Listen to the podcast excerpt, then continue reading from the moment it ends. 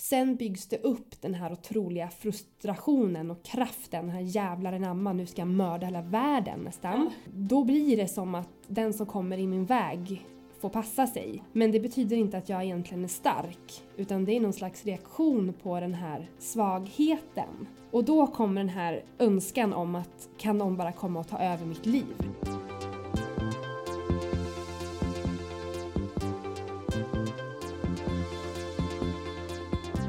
Du lyssnar på HSP-podden med Leverby och Klar. Hej och välkommen till HSP-podden med Leverby och Klar. Din oas som högkänslig. Här kan du som känner lite mer och bearbetar lite mer känna dig helt normal, precis som du är, för det är du. Den här podden är till för dig. Och det här avsnittet ska handla om vilka olika strategier som högkänsliga tar till för att hantera alla sina känslor. Men först, vad är en sån här strategi? Jo, alltså inom forskningen heter det coping strategies, eller livshantering som det också heter på svenska. Och det är en psykologisk term som beskriver en persons förmåga att hantera stressfyllda och känslomässigt krävande situationer. Och det här kan man ju förstås göra på en massa bra sätt. Något man eh, bland annat kan få hjälp med inom terapi om man behöver det. Men man kan också hantera saker och hitta strategier att ta till såsom mat, alkohol, shopping, spel, ökat kontrollbehov, att man spänner sig i kroppen, tränar för mycket eller gör något annat så mycket att det riskerar att skälpa snarare än att hjälpa. När man försöker hantera sina känslor. Som en slags självmedicinering. Och senare i avsnittet ska vi få lite tips på hur vi kan hantera starka känslor på ett bra sätt. Men först så har vi en eh, lyssnare som har skickat in ett mail som vi tycker beskriver just de här eh, känslostormarna som jag kallar det. Alltså när det blir någon slags eh, inre kaos helt enkelt. Jag läser upp det. Tack för er podd och avsnittet där ni berättar om energi och balans. Jag mår bäst av att vara igång, gärna direkt på morgonen. Tar jag en lugn förmiddag hemma där jag segar så blir ofta hela dagen så. Kan känna att det kliar i kroppen av att jag vill göra något men har ändå inte energin att göra. Så det var skönt att höra att jag inte är själv om detta. Och här beskriver ju lyssnaren vårt eh, förrförra avsnitt. Mm. Och sen kommer hon in på en annan fundering. När jag interagerar med andra, och främst min särbo, så kan jag bli otroligt sårad. Det är som att all energi rinner ur mig. Jag kan gråta i dagar faktiskt. Livet känns helt hopplöst. Det kan vara stort som smått. Vissa saker som har sagts och gjort, då borde jag bara ha pekat på dörren. Men har inte den förmågan heller i dessa stunder. Energin räcker inte till. Jag gråter och försöker laga mig själv istället i några dagar. Sen kommer den stora ilskan. Den känns som en urkraft och går inte riktigt att stoppa. Tyvärr så kan den komma ut på fel sätt och mot någon mer eller mindre oskyldig person som absolut inte fattar något.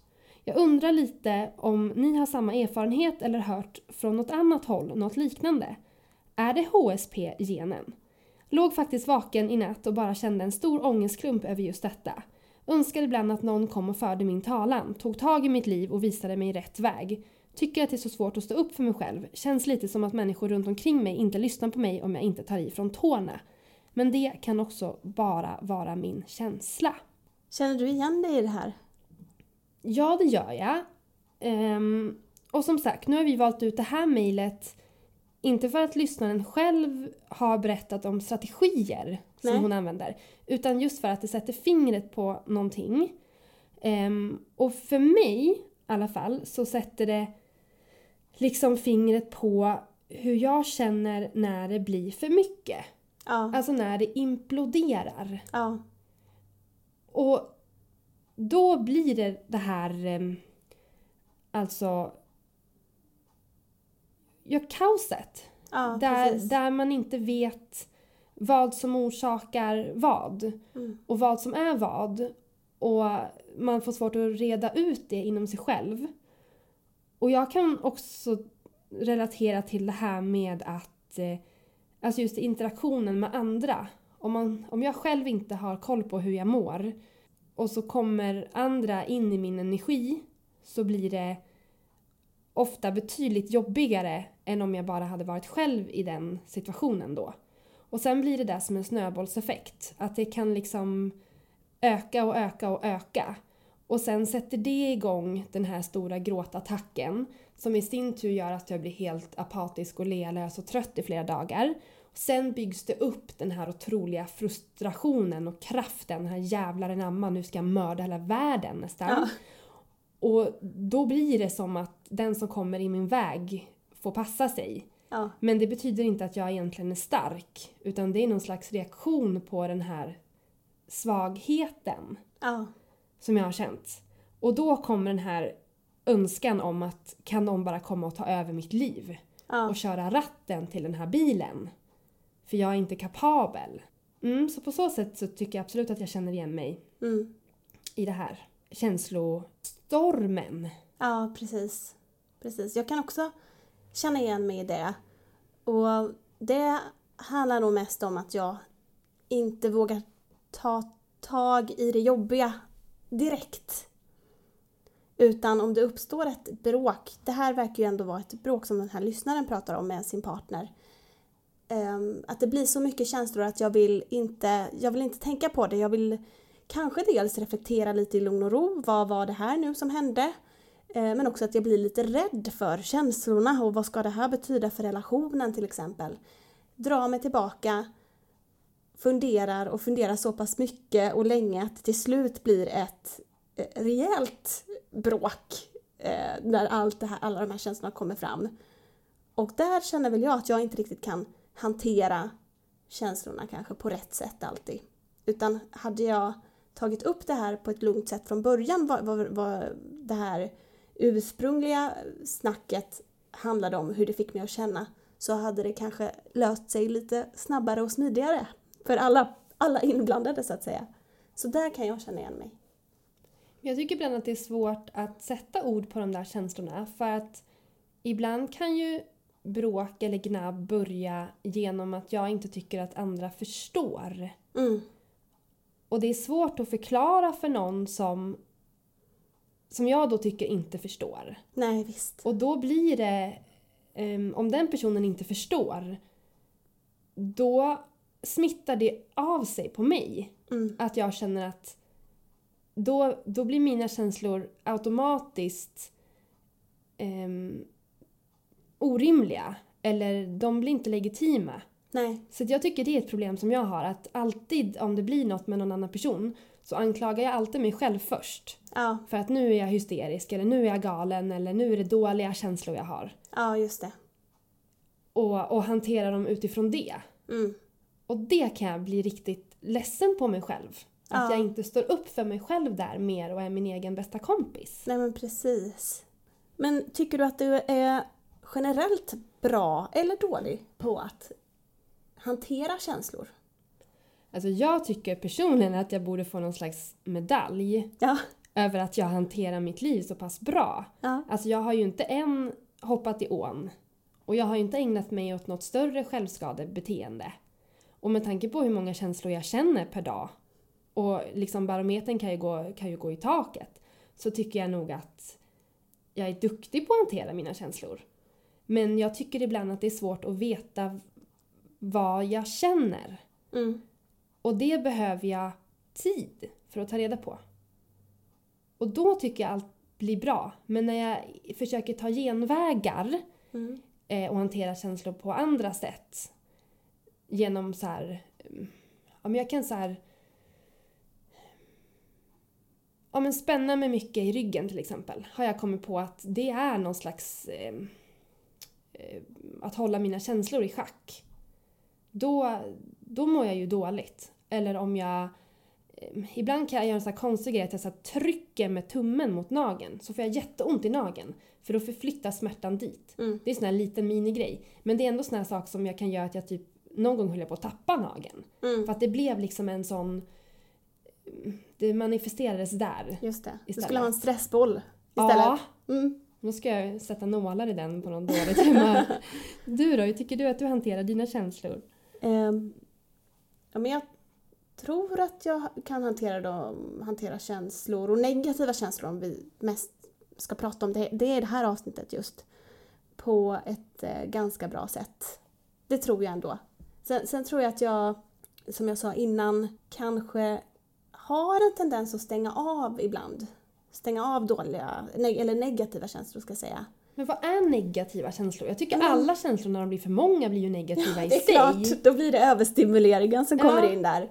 Ehm, jo men absolut, och då blir det som en slags stress kanske istället.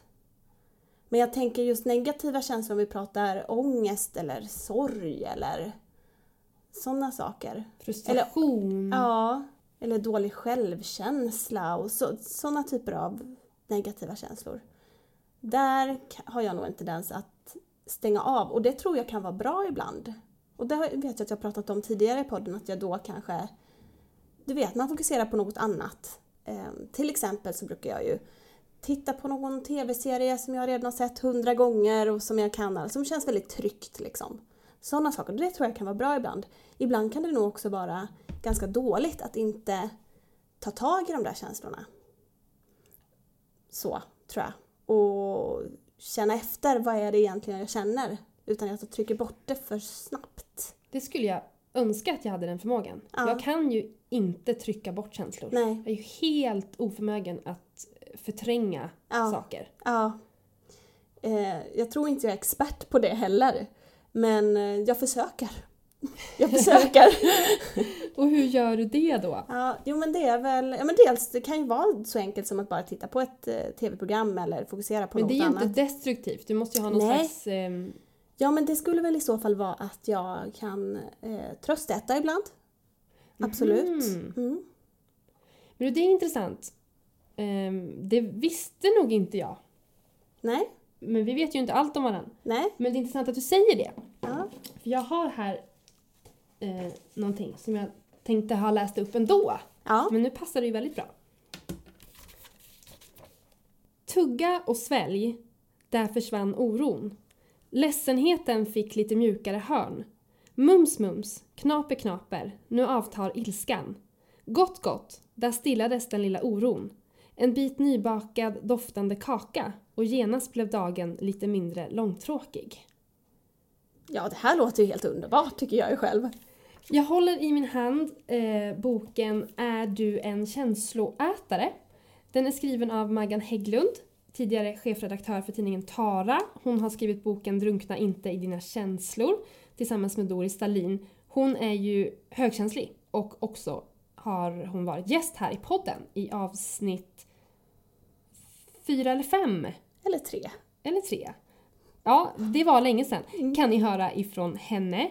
Boken handlar i alla fall om hur det kommer sig att det kan bli krångligt med maten ibland och vad den kan betyda för människor när den används som ibland både tröst och sällskap. Och i den finns faktiskt ett test om hur man hanterar känslor med mat. Och det tror jag att det är många av oss som gör. Och då var ju min fråga till dig om du gör det, Matilda? Ja, Och eh, när du sa det där nu så kan väl jag läsa upp lite här.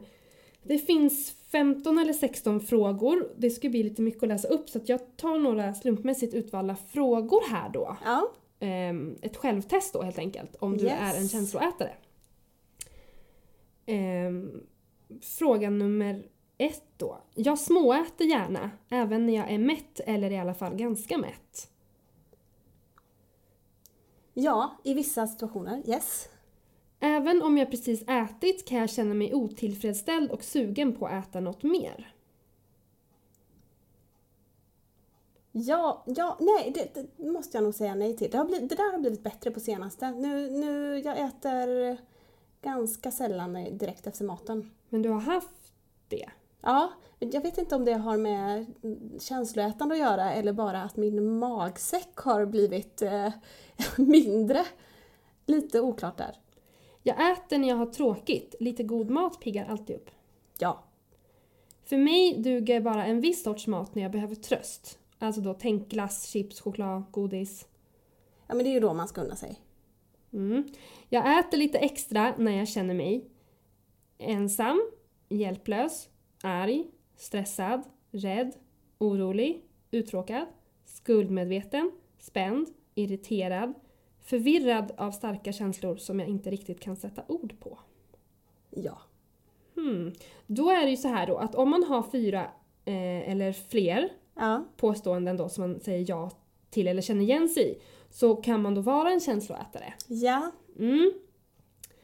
Eh, och det här är ju liksom ingen, ingen bibel, det är någon slags guide Ja. som man kan nog känna igen sig i. Jag tror att det är många som, som använder just maten som någon slags... Ja, Eh. och det är väl inte heller eh, nå, och, det behöver inte betyda att om man är en känsloätare att man har grava problem. Eller är det bara jag som försöker försköna den här historien på grund av att jag har svarat ja på för många Ja, frågor? alltså det som Maggan Hägglund skriver och det som hon vill uppmana läsaren till är ju att faktiskt våga ta reda på varifrån känslorna kommer. Mm. Alltså att man istället då för att eh, liksom hantera dem med maten så ska man upptäcka de här fantastiska, härliga men ibland också fasansfulla och starka känslorna. Just det.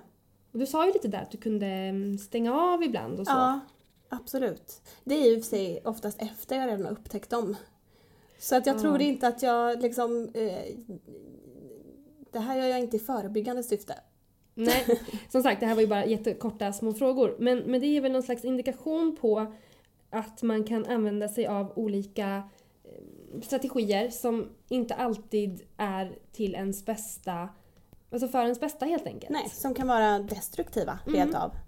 Och det här med känsloätande är ju bara ett exempel på en eh, destruktiv självmedicinering. Och eh, Elaine Aron som har myntat begreppet eh, HSP, hon är forskare, hon skriver i sin bok Det högkänsliga barnet att vissa högkänsliga ungdomar då tar till droger, alkohol eller annan självmedicinering för att minska ångest, depression eller andra negativa känslor. Det låter ju i och för sig lite logiskt för när man är yngre då har man ju inte heller eh, kanske upptäckt alla sina strategier. Nej, precis. Verkligen. Men det där gör ju många vuxna också. Men visst har hon väl också tips på hur vi kan hantera känslostormar på ett bra sätt? Ja, hon skriver på sin webbsida hsperson.com att eh, det här med starka känslor kan ju vara en enorm tillgång för högkänsliga såklart. Men när känslorna blir negativa så är det såklart extra jobbigt för känslorna är ju starka. Och eh, då har hon några tips då på vad hon kallar emotionell reglering. Det handlar om att reglera sina känslor och att påverka känslorna. Det är lite spännande, eller hur? Mm.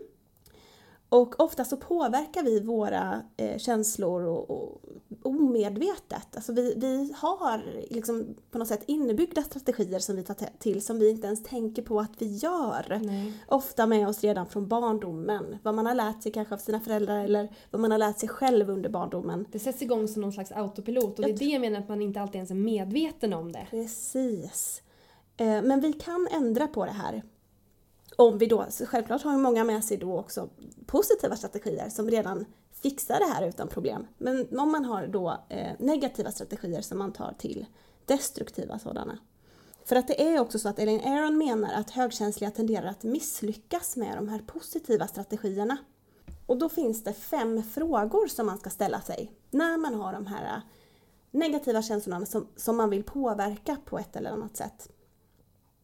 Är du med på Mm. fem? Påverka i en mer positiv riktning då. Ja, precis. Mm. Acceptera dina känslor, Mm. är nummer ett. Nummer två, skäms inte för dem. Tre, tro att du kan klara det här lika bra som andra. Fyra, lita på att dina eh, negativa känslor inte kommer att vara särskilt länge. Nummer fem, anta att det finns hopp. Du kan så småningom göra något åt dina negativa känslor. Och att sätta ord på de här fem, eller svara på de här fem frågorna då, det gör det lättare att i stunden och det gör det också lättare att sen ta steget vidare och hitta de här positiva strategierna. Så man skulle kunna ha med sig någon slags mental checklista Ja. så att man också kan lugna ner sig själv lite och svara på de här frågorna lugnt och stilla och då kan man också hitta lösningar i sitt eget huvud. Ja, jag tänker att det är väl också ett sätt, vi har pratat mycket om balans. Ehm, och det är väl också ett sätt att få sig själv i balans, tänker jag. Mm. Och då, för att det är ju i balans som vi i alla fall tycker då, som vi, vi kan hitta lösningar och där vi mår som bäst. Men jag tycker, som vi återkommer till i den här podden, just det här med självacceptansen och acceptansen av känslorna tycker jag är bland det viktigaste. För det är ju det som gör, i alla fall för mig, när jag får de här jättestarka känslorna, att jag dels någonstans tycker lite sämre om mig själv för att jag känner så mycket. Mm. Och har man inte då, alltså jag tycker att de här starka positiva känslorna jag har, de är ju så fantastiska. Men de negativa har jag väl inte riktigt förlikat mig med. Nej. Men det är ju, jag tycker det är steg ett, för kan man bara tänka att så här, det är helt okej. Ja, Så här funkar jag. Så är det med det. Punkt. precis. Då har Så man ju bara kommit det- en lång bit. Ja, det kan ju ofta, tänker jag, vara hela strategin. För ibland bara är det så. Man har en dålig dag. Jag accepterar det. Ja, vi har ju tyvärr förmågan att snöa in oss. Ja. Och i egna resonemang och sådär. Mm. Och sen tror jag just nummer tre, vad var det? Det här med att ha förmågan att hantera saker lika bra. Ja, att man kan klara av det här lika bra som alla andra. Där tror jag ibland att, att många högkänsliga äh, brister. Ja, Det har vi ju läst i många mejl att eh, självkänslan verkar ju inte alltid vara på topp. Och det säger ju Lane Aron också, att det är ju inte konstigt om man nu har vuxit upp i en minoritet och känt sig ifrågasatt och annorlunda och, och konstig. Ehm, men det vet jag i, i psykologi, eh, som jag läste på universitetet, så handlar det om, om positiv psykologi. Så mm, finns det ju vissa strategier då, de här coping eh, Ja. strategies, att man verkligen ska, eh, alltså de som, det låter ju så dumt men så här, tänk dig den här eh, happy-go-lucky killen som alltid Ja. är så här glad och inte tar så himla hårt på livet eller någonting. nej, precis. Det han har är en förmåga att se varje dålig händelse som isolerad. Och varje negativ känsla som isolerad. Att den hör inte ihop med någonting annat utan det här är en dålig dag och det är en isolerad grej. Medan jag kan tänka mig i alla fall eh, resten av oss höll jag på att säga, Ja, eh, har ju tyvärr förmågan att se saker i ett större perspektiv just det. och ibland negativt. Ja, Att det här hör ihop för att jag känner så mycket och för att jag är en dålig människa och för att jag inte räcker till och för att jag, nu mår jag så här och så har man Just byggt det. in sin egen lilla labyrint och så står man i mitten och hittar inte ut. Men tror du att du då som exempel skulle kunna använda dig av den här happy-go-lucky-strategin och se det som en isolerad händelse? Eller är det bara ett hjälpmedel för att se att den här happy-go-lucky-personen kanske har det lika illa som du? Alltså, Och det kom- kan vara ganska skönt. Ja, nu kommer vi från ämnet lite men jag, jag, rent generellt så tror jag att jag är lite skeptisk mot de här happy-go-lucky personerna. Ja. För att eh, jag tycker inte att det är helt äkta. Och om det skulle vara det så tycker jag att de personerna ibland saknar djup. Ja, Så att jag kan ju uppskatta eh, liksom känslomänniskor ja, av den anledningen. Just. Men just den här listan som Aaron har gjort är ju bra för att den har ju flera frågor. Mm. Och det finns någon slags resonemang och trygghet i det Ja, som hon leder oss Verkligen. igenom. Och hon tipsar också om, om man ska, vill gå vidare sen efter de här frågorna och hitta någon strategi. Så dels så säger hon ju såklart då att om man har svåra problem med ångest eller depression och så vidare, sök hjälp. Vänd dig till en psykolog. Och att man då kanske inte ska heller vara rädd för att använda sig av eh, kanske ja, men medicinering såsom antidepp och så vidare för att det kan faktiskt hjälpa. Men för, för de som inte har så allvarliga problem så kan man också börja att ja, men, börja leta efter sina egna, sina egna knep och sådär. Hon nämner meditation som har hjälpt henne väldigt mycket. Men också, sist men inte minst då, en god natts sömn. Att bara ha det i bakhuvudet att imorgon är en annan dag faktiskt. Ibland behöver det inte vara så mycket svårare. Nej, precis. Livet brukar ofta se lite ljusare ut Ja, eh, på morgonen. ja, Och sen på kvällen kör det ihop sig. Eh, Men då är det en ny dag. precis. Det låter lite likt någonting som Bertil Monegrim skulle kunna skriva om. Ja, absolut. Vi tar en dikt av Bertil Monegrim nu. Jag har bott i Vällingby i 64 år, men fortfarande känner jag samma glädje och spänning när jag går upp till Vällingby centrum. Och nu, när juldekorationerna och julgranen är på plats, är det så vackert. Samtidigt vet jag vissa som har en press på sig att inte räcka till när vi närmar oss julen. Men allt ordnar sig precis som alla andra jular, så det är bara att slappna av. Mina tankar går ofta till de hemlösa och jag hoppas verkligen att ingen ska behöva frysa, för de tindrande stjärnorna är även till för dem. Färgen ska vara en nyans av rött. Kärlekens färg är för alla. Vi finns på Facebook, där heter vi HSP-podden med Leverby och Klar. Följ oss gärna på Instagram också, där heter vi HSP Leverby Klar. Glöm inte att prenumerera på oss i iTunes eller Acast. Nu tar vi ett litet kort juluppehåll. Under tiden kan ni ju passa på att lyssna på något av alla våra avsnitt som ni inte har hunnit ikapp med. På nyårsafton är vi tillbaka med ett sprillans nytt avsnitt av HSP-podden med Leverby och Klar. Så nu återstår det bara att önska en riktigt god jul. Hej då!